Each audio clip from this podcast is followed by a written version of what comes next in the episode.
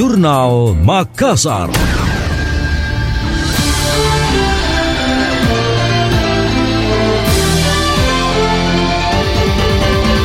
Badan Meteorologi, Klimatologi, dan Geofisika BMKG mengimbau masyarakat Makassar untuk mewaspadai dampak fenomena La Nina.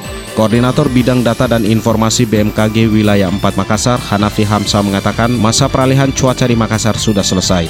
Saat ini memasuki puncak musim hujan dan terjadi secara menyeluruh di wilayah Makassar dan sekitarnya. Dia mengatakan hal yang perlu diwaspadai yaitu fenomena La Nina.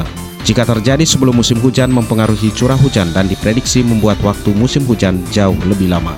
BMKG memprediksi puncak musim hujan di Makassar dan sekitarnya terjadi pada Januari 2023 mendatang. Hanafi meminta masyarakat Makassar mewaspadai bencana karena dampak cuaca buruk yang diakibatkan fenomena La Nina. Meningkatnya curah hujan membuat potensi besar terjadinya banjir. Forum Multisektor FMS Percepatan Eliminasi TB akan memanfaatkan dana kelurahan yang kembali dicairkan pada 2023 mendatang. Dana tersebut bersumber dari bantuan pemerintah pusat melalui Kementerian Keuangan Kemenkeu RI. Kepala Dinas Kesehatan Makassar, Dr. Nur Saida Sirajudin menjelaskan pagu yang dipersiapkan sebesar 50 juta rupiah di masing-masing kelurahan. Hal itu dibelanjakan untuk program sosialisasi, edukasi, dan pendampingan pasien TB yang sementara berobat.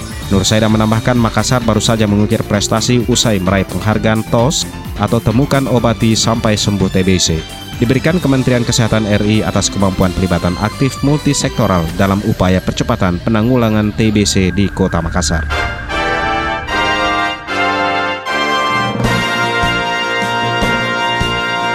Demikian tadi, Jurnal Makassar.